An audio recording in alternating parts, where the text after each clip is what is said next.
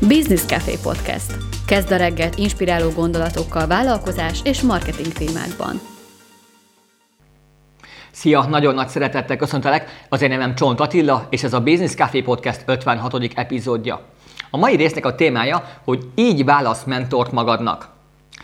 Hiszem, hogy a legjobb oktatási forma a mentorálás. Ez lehet akár csoportos, vagy ami ennél még durvább eredményt tud hozni, az pedig az egyéni mentorálás. Viszont felmerül a kérdés, hogy oké, okay, hogyha egy adott területen ez lehet vállalkozás, lehet életmódváltás, lehet angol nyelvtanulás, lehet bármi, milyen módon válasz, milyen szempontrendszer alapján válasz ki azt a mentort, aki tényleg neked azt az ígért eredményt el fogja tudni majd hozni.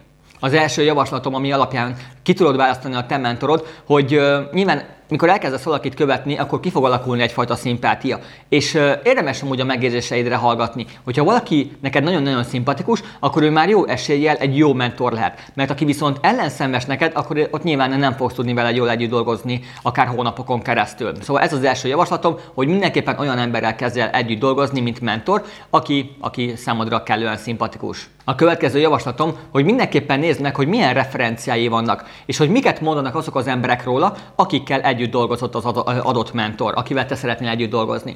Mert hogyha nincsen róla semmilyen leírás, nincsen róla ö, ilyen pozitív visszajelzés, nincsenek róla referencia, leírások, esettanulmányok, vagy ö, tényleg még egy, egy, egy fikarsznyi vélemény sincsen róla, akkor ott már azért érdemes elkezdeni azon gondolkozni, hogy vagy rosszul végezte a dolgát, és, ö, és nem gyűjtött ilyen referenciákat, vagy pedig a másik, hogy még nagyon-nagyon kezdő, és hogyha nagyon kezdő valaki, ott azért én óvatosan bánnék vele, mert akkor nem biztos, hogy azt a fajta érteket tudja neked adni, amire neked igazán szükséged van. Ha viszont olyan mentor jelöltet találtál, akinek akár több éves szakmai tapasztalata van, és nem csak az adott iparágban, hanem maga az üzleti vagy a bármilyen jellegű mentorálásban, illetve több tucat, vagy akár több száz referenciája van, vagy ilyen referencia visszajelzése van, ügyfél véleménye van, akár írásban, akár videóban, akkor ott viszont én, én jó szívvel rábíznám magam egy-egy ilyen ember, egy ilyen mentorra. A következő nagyon-nagyon fontos gondolat, és amúgy lehet, hogy ezzel kellett volna kezdeni, hogy nézd meg, hogy az adott mentor, akit kinéztél, vagy kiszemeltél, azon az élet színvonalon él-e már, amilyen színvonalon te szeretnél, és ez nem csak a vállalkozásra húzható rá, hanem mondjuk angol nyelvtanulás. Azért mondom mindig ezt, mert most éppen ebben az élet szituációban vagyok. És hogyha az adott kiszemelt mentor már azt az életet éli, azon a szinten van, mint amilyen szintre te szeretnél kerülni, akkor ott jó eséllyel egyébként az egy biztos, hogy egy nyerőválasztás lesz. Hogyha viszont azt látod, hogy amúgy majdnem, hogy egy szinten vagytok vele, akkor én azért ott egy picit behúznám a késziféket, és jobban utána járnék, vagy más embert választanék, mert hogyha valaki egy szinten van veled, vagy nem taposta ki azt az utat, amire te szeretnél lépni, akkor mi mi esély van arra, hogy amúgy ő jó tanácsokat fog majd neked adni, hogyha még ő sem járt azon az adott úton.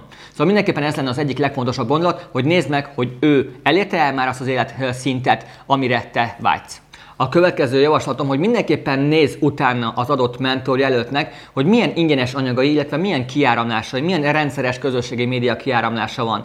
Mert én is rendszeresen találkozok olyan mentor jelöltekkel, vagy akik annak nevezik magukat, akik még egy pár hete vagy pár hónapja kezdték, nincsen semmiféle kiáramlások, nincsen ingyenes anyagok, nincsen semmi, csak egyből elkezdik az ügyfeleket szerezni, egyből megy a sales, sales, sales, és nincsen mögötte semmiféle bizonyíték arra, hogy amúgy ők tényleg értenek az adott szakterülethez. És ez mindenképpen ez egy fontos gondolat, hogyha már ott van mögöttük akár több tucat oktató videó, több csali termék, ilyen ingyenes csali termék, ami alapján el tudod dönteni, hogy akkor ő érte az adott területhez, vagy pedig nem, hogy, hogy mennyire, mennyire tudná tőle tényleg sokat tanulni. És ez az egyik legjobb mérője annak, hogy ki mennyire veszi komolyan az adott mentorálást. Mert aki még arra se veszi a fáradtságot, hogy akár több tucat, vagy akár több száz darab ingyenes anyagot készítsen, akár a az Instára, Facebookra, YouTube-ra, bárhova, akkor, akkor mi jogon várja el azt, hogy akár több százezer forintért oktasson másokat. Szóval feltehetően az a mentor, akinek már egy csomó tonnányi ingyenes anyaga van, akkor ő már kellően komolyan veszi az adott iparágat, az adott szakmáját, és ez alapján is el tudod dönteni, hogy ő mennyire szimpatikus neked, mennyire hiszel neki, mennyire tartod nagyon-nagyon hasznosnak az ő tudását. A következő javaslatom, hogy nézd meg, hogy az adott mentor jelölted, vagy a kiszemelted, mióta van az adott iparágban. És itt most nem arra gondolok, hogy mióta foglalkozik az adott mentorálással, hanem az adott egész tevékenységben ö, mióta van jelen. Mondok egy példát, hogyha te egy életmódváltó mentorhoz akarsz elmenni, akkor azt nézd meg, hogy ő mióta foglalkozik az egészségtudatos gondolkodásmóddal, vagy ő mióta kezdett el mondjuk sportolni. Mert hogyha ő kb fél éve kezdett el azzal foglalkozni, hogy egy picit leadjon egy jó pár kilót, és azt a tudást akarja átadni, ami effektíve fél évnyi saját tapasztalat, akkor ott még azért annyira nagy, nagy tudással még nem rendelkezik. De aki már mondjuk 30 éve kezdett el az életmódváltással, meg a sporttal rendszeresen foglalkozni, esetleg elkezdett versenyszerűen sportolni, és mondjuk ő csak fél éve kezdett el mentorálással foglalkozni, akkor ő neki nem fél évnyi a szakmai tapasztalata, hanem 30 év a szakmai tapasztalata. És, és ezt a 30 évet tudja akkor neked átadni, mindössze mondjuk egy 3 vagy 6 hónap alatt. A mi esetünkben például mi kb. 3-4 éve foglalkozunk üzleti oktatással, meg mentorálással, viszont nekem már 12 éves vállalkozói tapasztalatom van, szóval nyilván azért ezt a 12 évet tudom lerövidíteni egy kezdővállalkozó, vagy akár egy haladóbb vállalkozó számára. A következő javaslatom, hogy nézd meg, hogy az adott mentor jelöltednek mik az erősségei.